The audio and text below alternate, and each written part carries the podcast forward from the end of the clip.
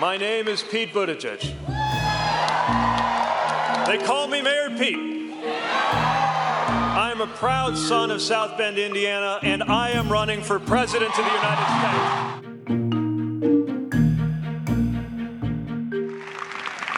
I stand before you today to announce my candidacy for President of the United States. And that is why I stand here today to declare that I am a candidate for President of the United States of America. Hi, I'm Bernie Sanders. I'm running for president.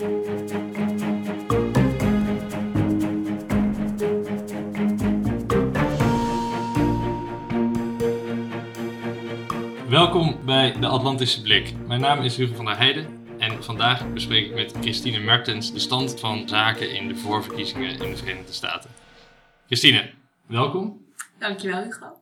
Je bent afgestudeerd in North American Studies en je zat bij het ministerie van Buitenlandse Zaken op de ambassade in Washington. Ja, voor een stage. Wat heb je, wat heb je daar precies gedaan? Ik liep stage op de politieke afdeling. En eh, dat betekende dat ik heel veel denktanks afging eh, om verslagen te schrijven over de politieke status, of in ieder geval de stand van de politiek op dat moment in Washington. En dat was ook ergens in de afgelopen eh, jaar of zo. Vorig jaar, ja. Ja, dus al met Donald Trump in het Witte Huis. Ja, maar ik moet eerlijk zeggen dat ik uh, weinig Republikeinen ben tegengekomen tijdens die periode. Ja, die waren allemaal verstopt? Die waren verstopt, ja. De meeste mensen in Washington zijn toch wel echt liberals. Dus Ja. niet echt gezien.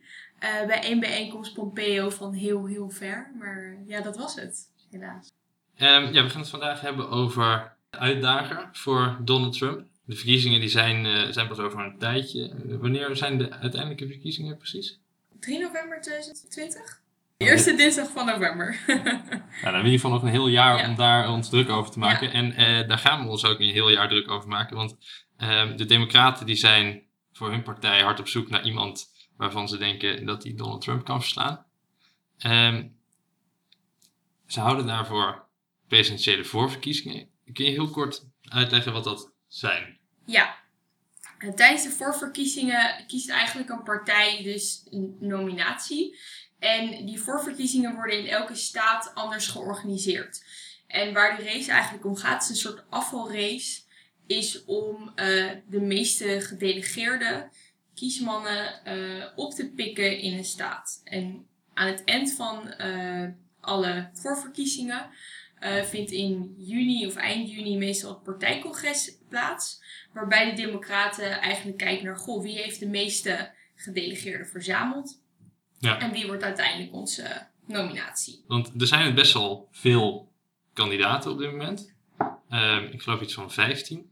En we kennen nou ja, Joe Biden bijvoorbeeld, eh, de vicepresident eh, onder Obama. Maar wat voor mensen zitten daar nou verder in dat veld? Kennen, lijkt dat op wat we uiteindelijk zien als president? Als, of zijn het hele andere mensen? Het zijn meestal mensen die al wel een carrière hebben in de politiek. Maar als jij gewoon aan bepaalde eisen van de constitutie voldoet, namelijk je bent geboren als Amerikaans staatsburger, je bent minimaal 35 jaar oud en je hebt 14 jaar lang. Je moet achter een 35 voet- zijn, Ja. minimaal. Minimaal. Oké. Ja. opmerkelijk. Je moet eh, toch een bepaalde leeftijd hebben, dachten, onze, dachten de founding fathers toen ze de constitutie schreven. Oké, En de laatste eis is dat je minstens 14 jaar achtereenvolgens in ieder geval de VS moet hebben gewoond. oké. Dus dat zijn de eisen. Dus in feite kan iedereen meedoen.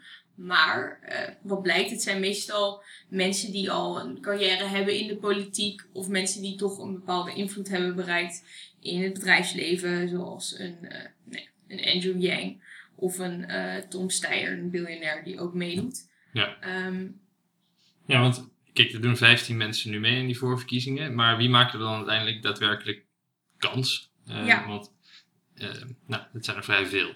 Ja. Ehm, nou, de top 4 nu zijn natuurlijk Biden, voormalig vicepresident onder Obama en senator uit Delaware. Ehm, de tweede is senator Elizabeth Warren. Zij komt uit Massachusetts, eh, ook voormalig hoogleraar aan Harvard. Derde, ehm, ja, Major Pete. Hij is een interessante kandidaat, want hij is een burgemeester uit een iets wat kleine stad in Indiana. En eh, de vierde kandidaat die nu nog vrij goed doet in de race is Bernie Sanders, eh, senator uit Vermont, die ook in 2016 meedeed aan de verkiezingen en het Hillary Clinton nog vrij lastig heeft gemaakt toen tijdens de voorverkiezingen. Oké, want waar gaan dan uiteindelijk deze primaries over? Dus het is al een tijdje aan de gang. Uh, er zijn geloof ik zelfs al een half jaar lang uh, debatten bezig. Ja. Um, zijn er bepaalde onderwerpen waar um, de Democratische Partij van zegt: oké, dit is echt uh, belangrijk voor ons? Of is er iets wat er bovenuit steekt? Ja, wat mij vooral opvalt is dat deze race is dat, je, dat het heel erg gaat om het verhaal wat de Democraten uiteindelijk willen vertellen in de nationale verkiezingen. En dat ze daar nog niet helemaal over uit zijn. En dat zie je ook doordat er nu een, nog niet echt een duidelijke koploper is. En een top 4 van ja, twee verschillende, vier verschillende kandidaten. Dus je hebt dat ja, nationale het verhaal. Dus je hebt kandidaten als uh, Biden en Buttigieg die zich wat gematigder opstellen. Die uh, heel erg het verhaal verkopen van we willen de eenheid van het land herstellen na 2016. Willen wonden helen. Um, Charles Sanders en Warren zich heel erg positioneren als meer revolutionaire kandidaten die echt fundamenteel het Amerikaanse systeem willen veranderen. En je ziet dat dus, doordat er nog geen duidelijke koploper is, is de vraag: oké, met welk verhaal willen ze uiteindelijk die verkiezingen ingaan? Uh, is er ook twijfel binnen de Democratische Partij van: oké, we zien nu Trump, misschien moeten we een extreme tegenreactie hebben de andere kant op, of we moeten blijven doen wat we altijd deden? Is dat een beetje de overweging? Of? Nou, je ziet dat ze dus dat, dat de, de kandidaat die het kan gaan opnemen tegen Trump wel een grote rol speelt. Ik noem het electability, dus de verkiesbaarheid van de kandidaat die uiteindelijk het kan gaan winnen tegen Trump. En ja, wat je nu ziet, de top vier kandidaten zijn allemaal wit. Uh, ik denk wel dat er een idee bestaat dat een etnisch diverse kandidaat of een vrouw het lastiger gaat krijgen tegen Trump. En ik denk dat je dat ook gereflecteerd ziet in nu deze huidige top 4. Ja. En dat dat idee bestaat. En natuurlijk hoort er een kleine nuancering bij, want Warren is wel een vrouw. Uh, Pete Buttigieg is een, uh, de eerste homoseksuele presidentskandidaat. Uh, maar het feit dat je nu voor, de volgende, voor het volgende debat heb je een geheel wit podium dat zich tot nu toe heeft ge, weten te plaatsen voor dat debat. Uh, in tegenstelling tot andere etnisch diverse kandidaten die het dus niet hebben gered tot zover. En dat is toch gek, want we begonnen de, deze democratische voorverkiezingen met een, een historisch diverse kandidatengroep. Ja, want uh, je noemde net al even uh, senator Warren. Ja. Wat is zij voor kandidaat? Want nou goed, dit is dan een van de niet-diverse kandidaten, maar wel een vrouw, wat dan toch al wat meer is dan de witte man die we continu zien. Ja. Wat heeft zij voor punten die ze aanbrengt? Ja, Warren wordt gezien als een, wat ik al zei, een progressieve kandidaat. En dat komt vooral door haar grote revolutionaire ideeën, uh, vooral voor de economie. Dus wat zij wil onder andere is verhoging van belasting voor de superrijken. Uh, ze steunt het idee van Bernie Sanders van Medicare for All. Het schrappen van studieschulden. Ja. Dus zij is iemand, en dat maakt haar ook heel populair, dat ze van die grote gedurfde ideeën heeft. En haar onofficiële slogan is ook I've got a plan. Dus, uh, Oké. Okay. Maar het klinkt wel, het klinkt inderdaad heel divers. Het klinkt ook ja. een beetje all over the place. Is er een bepaalde lijn die zij, waar ze echt op hamert? Of is het pakt ze beleid, bijvoorbeeld inderdaad van Bernie Sanders met uh, Medicare for All. Dat zegt, nou, dat is een goed plan. Dat neem ik ook op. op. Nou, ik, ik denk wat je, wat je zegt over dat Medicare for All, dat is wel interessant. Want ik denk dat haar het oppakken van dat plan en het steunen van dat plan ook tegelijkertijd haar grootste valkuil is geweest in deze verkiezingen. Dus je zag uh, dat ze tot half oktober het ontzettend goed deed in de peilingen. Uh, mensen waren razend enthousiast, vooral ook over het idee voor die belastingverhoging voor de superrijken. Uh, maar tijdens dat vierde debat werd zij vooral aangevallen door Biden en Major Pete over hoe ga je nou betalen voor die ziektekostenverzekering. En je wat ga je nou doen met private ziektekostenverzekeringen die nu al bestaan? Dus zij werd daar heel erg op aangevallen. En eh, ja, dat heeft haar niet geholpen, denk ik. Ja, want Medicare for All is eigenlijk een systeem wat bestaat voor oudere Amerikanen, geloof ik. Mhm. En, dat, en het idee dan nu is om dat beschikbaar te maken voor iedereen. Iedereen, ja. Want hoe werkt dat precies? Z- Zeg maar, er is nu een bepaalde leeftijd waarop je vanaf de, van de staat... Volgens mij, ik zou het niet precies weten wat de restricties zijn, maar volgens mij geldt het nu voornamelijk voor ouderen of mensen met een handicap. Ja, die er aanspraak op kunnen maken. Maar ja, Warren evenals Sanders, was zijn oorspronkelijke idee, wil het dus openstellen voor iedereen. Eh, laten we even een stukje luisteren naar eh, Warren die eh, in het laatste primary debate iets vertelt over haar eh, Medicare plan. Ja, On day one, as president, I will do.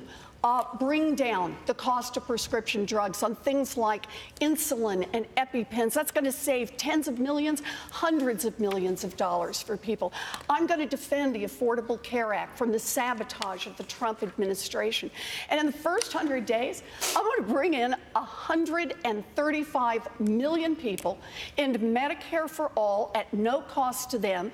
Everybody under the age of 18, everybody who has a family of four, income less than $50,000. I'm going to lower the age of Medicare to 50 and expand Medicare coverage to include dig- uh, vision and dental and long term care. And then in the third year, when people have had a chance to feel it and taste it and live with it, we're going to vote and we're going to want Medicare for all. Nou, dit, toen ik dit hoorde voor de eerste keer, dacht ik is wel een uitgewerkt plan. Of althans, zo komt het over. Ze heeft echt wel een idee van, oké, eh, het moet een beetje gefaseerd, maar er moet wel stappen worden gemaakt.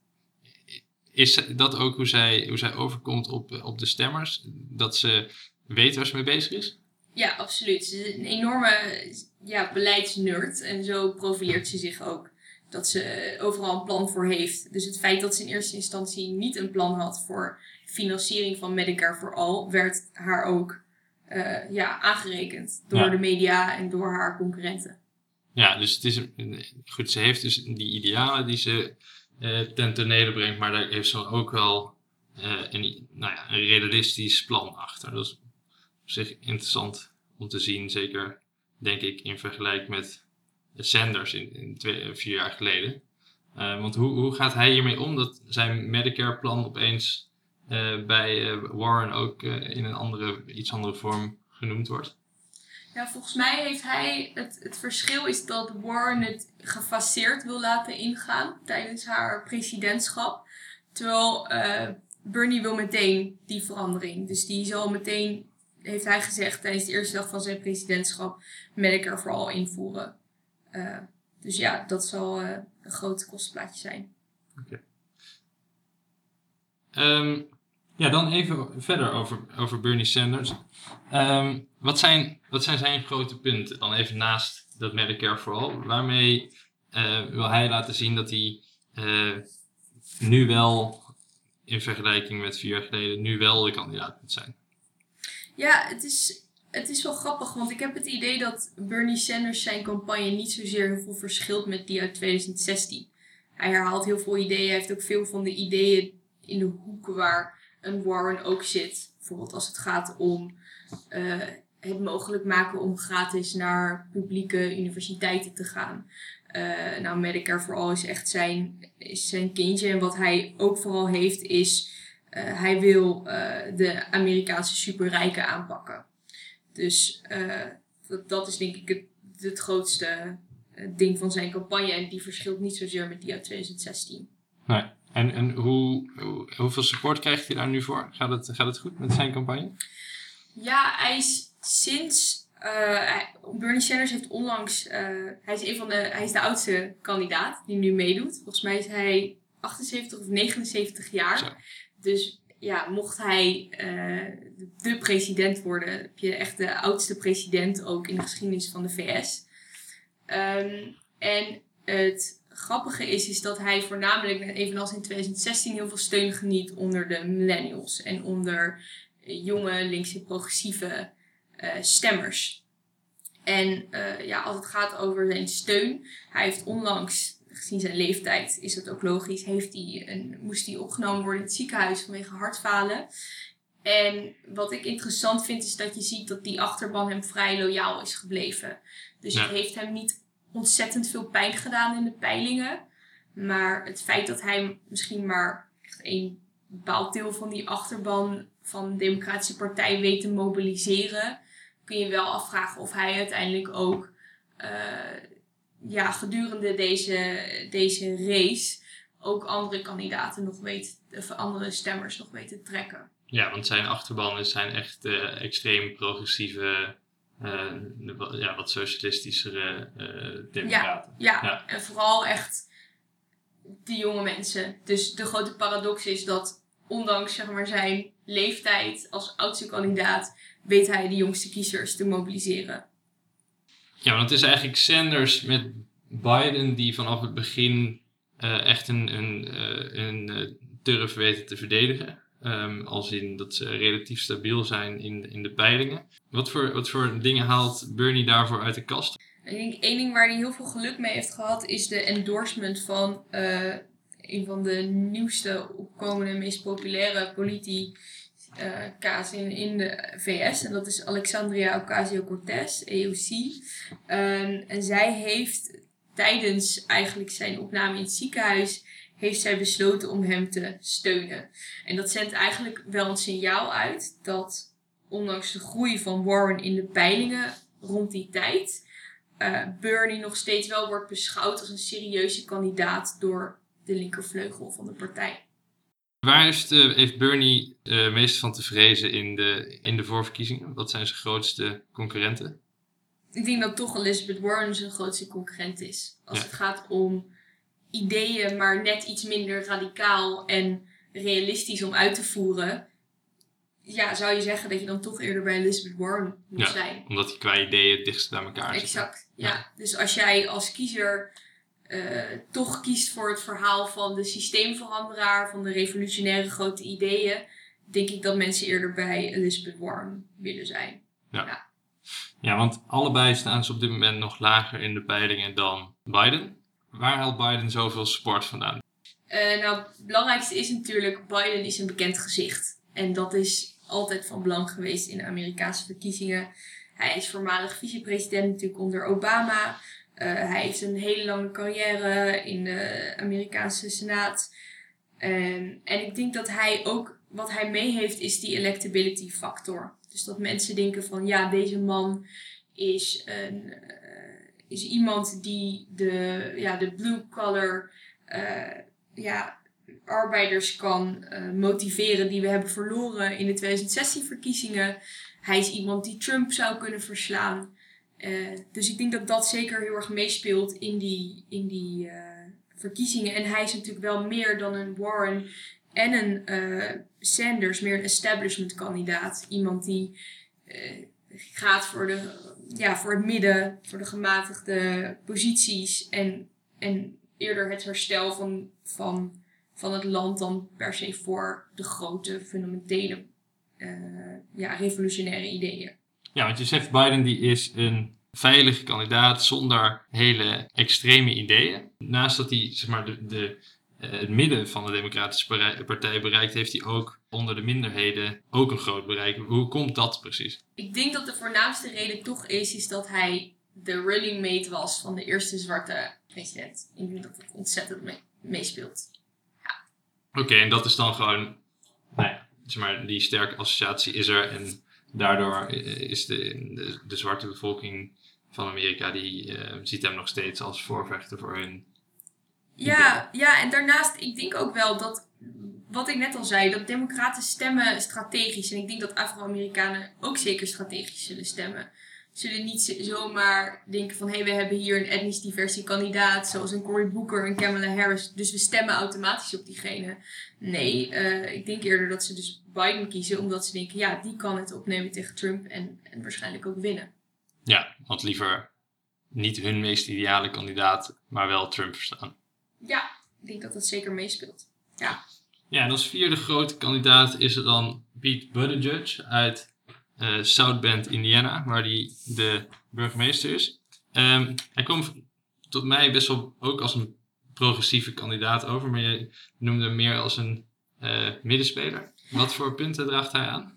Nou, het grappige is, is dat hij terecht overkomt als een progressieve kandidaat op jou, want zijn focus ligt ook op klimaatverandering en economische kansen. Maar in deze race uh, heeft hij denk ik een hele goede strategie. En dat is een beetje blijven in het midden. Niet te veel op links schuiven. Want daar zou ik concurreren met een Warren en een Biden om kiezers. Dus ik denk dat hij uh, zelf heeft gekozen om niet te uitgesproken te zijn als strategie. Nou en, en dan een, een, onderwerp wat ook nog echt boven, de, uh, nou ja, boven deze voorverkiezingen hangt, is natuurlijk het rijden en zeilen rondom de impeachmentprocedure van de president, van Donald Trump. Ja. Um, in het afgelopen debat is ook Buttigieg daarover gevraagd. Van, hey, wat vind je daar nou van? Um, laten we daar even naar luisteren. Mayor Buttigieg, let me put the same question to you. How central should the president's conduct uncovered by the impeachment inquiry be to a Democratic nominee's campaign? How central would it be to yours? Well, the constitutional process of impeachment should be beyond politics, and it is not a part of the campaign. But the president's conduct is. The impeachable conduct that we have seen in the abuse of power, that we're learning more about in the investigations, but just to be clear, the president's already confessed to it on television. But that's just part of what we've seen. Under normal circumstances, a president would leave office after something that was revealed recently that barely got any attention at all, which was the president had to confess in writing, in court, to illegally diverting charitable contributions that were supposed to go to veterans. We are absolutely going to confront this president for his wrongdoing, but we are also each running to be the president who will lead this country after the Trump presidency comes to an end, one way or the other. I'm running to be the president for that day the sun comes up and the Trump presidency is behind us, which will be a tender moment in the life of this country. And we are going to have to unify a nation that will be as divided as ever. And while doing it, address big issues that didn't take a vacation for the impeachment process or for the Trump presidency as a whole. A climate approaching the point of no return. The fact that we've still got to act on health care. Kids learning active shooter drills before they learn to read. And an economy where even when the Dow Jones is looking good, far too many Americans have to fight like hell just to hold on to what they've got. Mr. Mayor. Those are the crises that will be awaiting the next president and will be at the heart of our campaign. Wat is de rol van impeachment bij deze voorverkiezingen? Nou, wat je ziet, en dat is ook natuurlijk wat Pete Buttigieg zegt, is dat ze niet te veel bezig moeten zijn met impeachment tijdens deze voorverkiezingen. En de reden daarvoor is natuurlijk omdat impeachment een politiek middel is. Dus ik denk dat als de Democraten zich daar te veel mee gaan bezighouden tijdens deze campagnes, dat uh, nou juist in de nationale verkiezingen uh, als een soort boemerang terugkomt. Dus je moet het, je moet het niet te veel gaan, gaan benoemen. Maar uh, het is wel nu voor het eerst dat er tijdens een, een presidentiële verkiezingsjaar dat er een president uh, mogelijk geïmpeached gaat worden in het, in het huis. En dat is denk ik wel een interessante ontwikkeling. En ik denk gezien de samenstelling van het huis en de samenstelling van de senaat, dat er grote kans is dat Trump wordt geïmpeached in het huis, maar niet in de senaat. En uh, dat de republikeinen het gaan aangrijpen uh, net zoals uh, de Democraten hebben gedaan tijdens de impeachment van Bill Clinton. Als een manier om, ja, als een middel eigenlijk om zelf de verkiezingen te winnen. Ja, om ook een beetje de campagne te lanceren en dan zeggen: hé, hey, luister, we zijn niet, er is niks mis met deze president. Um, en, en dan juist zijn goede dingen uit te lichten. Exact. En ik denk dat als het wel prominenter naar voren zou komen bij die voorverkiezingen, dat de Republikeinen het weer gaan gebruiken van hé, hey, kijk naar deze heksenjacht. Het is uh, een gewoon gepolitiseerd middel. Uh, ja. Ja, en de Democraten zijn niet te vertrouwen. Exact, ja. ja. Um, ja er zijn dan nog een aantal andere kandidaten. Uh, Kamala Harris bijvoorbeeld. Wat is zij voor, voor kandidaat? Ja, senator uit uh, California. Uh, ze is iemand die als een van de eerste Afro-Amerikaanse senatoren, vrouwelijke senatoren. En het interessante aan haar is, is dat zij het ontzettend goed deed in het begin van, de, van deze race. Het kwam vooral door een van de eerste debatten waarop ze Joe Biden flink aanviel. Ehm, en ja, ze speelde eigenlijk haar. Wat zij probeerde was dat ze voornamelijk zich wilde richten op de Afro-Amerikaanse uh, stem, toch 20 procent. Uh, en, en denk ik ook zich een beetje probeerde te profileren als de opvolger van Obama. De vrouwelijke opvolger van Obama weliswaar. En dat is haar toch niet helemaal gelukt. Dus uh, ja, ze heeft zich deze week teruggetrokken uit de race. En daar zijn wel meerdere redenen voor te, ja, aan te wijzen. Maar ik was daar eigenlijk wel heel erg verbaasd over. Want ondanks berichten dat ja, niet zo goed ging met haar campagne, dat het niet goed georganiseerd was. Uh, dat, ja, dat ze toch wel daalde in de peilingen. Had ik verwacht dat ze in ieder geval Iowa en New Hampshire zou uitzitten. Omdat ze misschien nog wel de, de top 5 kandidaat had kunnen zijn. Ze had wel weer afwijkende plannen. Die misschien wel leuk zijn om heel even naar te luisteren. Dus daar hebben we ook hm. een stukje van. For too long, I think candidates have taken for granted constituencies that have been the backbone of the Democratic Party and have overlooked those constituencies. And um, have, you know, they show up when it's, you know, close to election time and show up in a black church um, and, and want to get the vote, but just haven't been there before. I mean, you know, the, the, there are plenty of people who applauded black women for the success of the 2018 election applauded black women for the election of a senator from Alabama. Um, but, you know, at some point, folks get tired of just saying, oh, you know, thank me for showing up, and, want, and, and say, well, show up for me. Because when black women, when black women are three to four times more likely to die in connection with childbirth in America, when the sons of black women will die because of gun violence more than any other cause of death, when black women make 61 cents on the dollar as compared to all women who tragically make 80 cents on the dollar, the question has to be where you been and what are you going to do? And do you understand who the people are? Ja, dus hij komt echt duidelijk op voor, uh, nou ja, onder andere de zwarte Amerikanen. Um, terwijl nou ja, de mensen waarmee ze op het podium staat en dan nu nog, steeds, nog minder nadat zij uit de race gestapt dat niet zijn. Een andere kandidaat, Cory Booker, die deed afgelopen week de uitspraak dat er straks meer miljardairs dan zwarte mensen op het podium staan. Lijkt dat inderdaad zo te worden? Ja, ja dat klopt. Uh, je hebt het aankomende debat op 19 december in Los Angeles. En tot nu toe hebben er nog geen etnisch diverse kandidaten zich weten te kwalificeren. Dus uh, staan er zes uh, witte kandidaten op het podium, waaronder een Tom Steyer, die het helemaal niet goed heeft gedaan in de, in de peilingen, maar die wel vanwege zijn, ja, zijn, vermogen eigenlijk zijn plaats heeft kunnen kopen. Dus dat is wel terechte kritiek. Hoe werkt dat dan? Hoe kun je je plaats kopen in zo'n debat? Je, om je te kwalificeren voor dit debat, uh, daar heeft de Democratic National Commission heeft daar een aantal regels voor. En het eerste is, is dat je rond de 200.000 verschillende donaties moet hebben binnengehaald. Dus dat is wat Steyer heeft gedaan. Um, maar wat je ook moet doen is dat je uh, in Iowa, New Hampshire, Nevada en South Carolina, dat zijn de eerste staten waar de voorverkiezingen plaatsvinden, dat je daar 6% scoort in twee verschillende door de DNC erkende peilingen. Of dat je in de nationale uh, in vier nationale peilingen 4% scoort. Dus het gaat er dus om hoe je het doet in de peilingen en ook een deel over je, ja, hoe je donaties binnensleept en of je daar succesvol in bent. En ja, wat je ziet bij Harris is dat, dat toch het een uitputtingsslag is geweest. Dat ze, wat ze zei, dat ze financieel niet meer kon, kon redden, de campagne.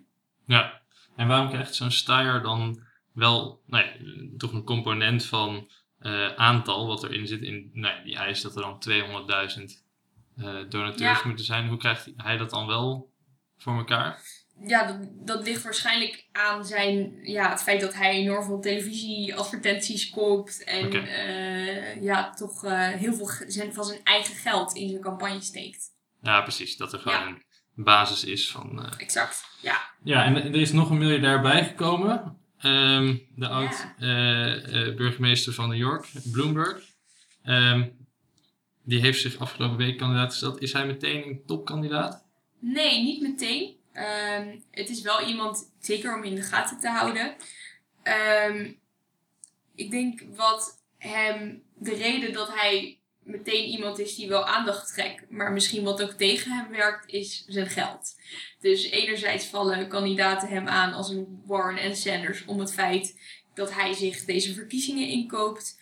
Eh, maar anderzijds heeft, net zoals bij Tom Steyer, zijn geld wel heel veel invloed. Namelijk, hij koopt ook heel veel televisieadvertenties op.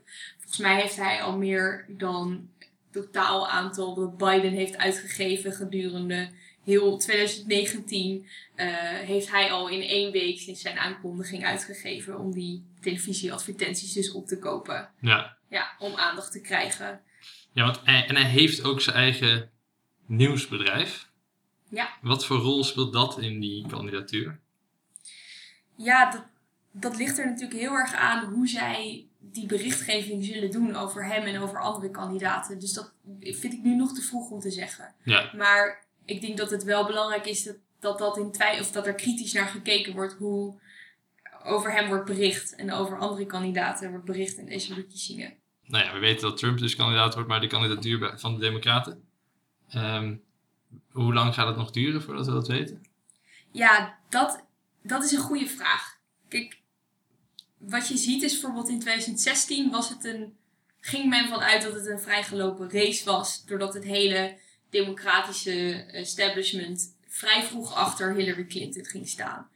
En wat je nu ziet is dat je ja, vier kandidaten hebt met niet een duidelijke, of in ieder geval een top van vier kandidaten, met niet een duidelijke koploper. Eh, Biden, ondanks zijn naamsbekendheid, is hij nog niet echt maar, weggeschoten van de andere drie kandidaten, waarvan er twee een heel ander verhaal vertellen. Eh, daarnaast hij heeft tot nu toe wel het meeste endorsements opgepikt, maar nog niet zoveel als een Clinton en een Al Gore rond deze tijd.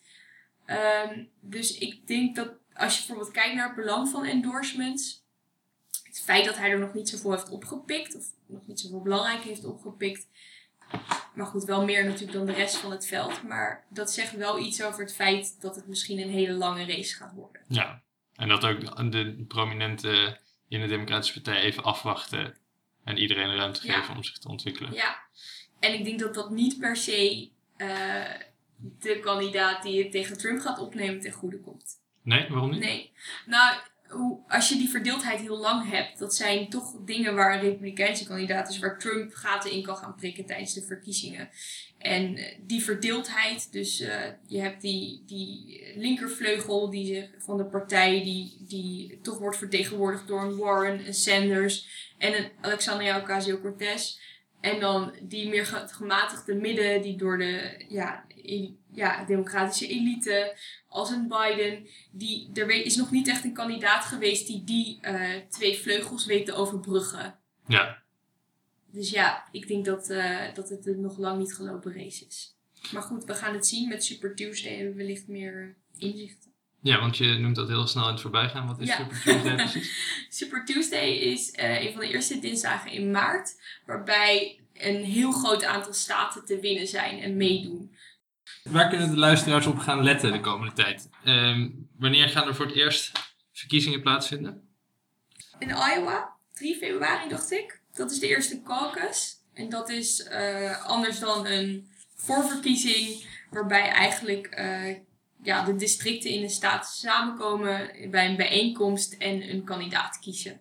En wat we daar gaan zien is, in Iowa geldt de regel dat je 15% moet hebben als kandidaat om überhaupt eh, ja, onderdeel uit te kunnen maken van dat, van dat verdelingssysteem van die gedelegeerden.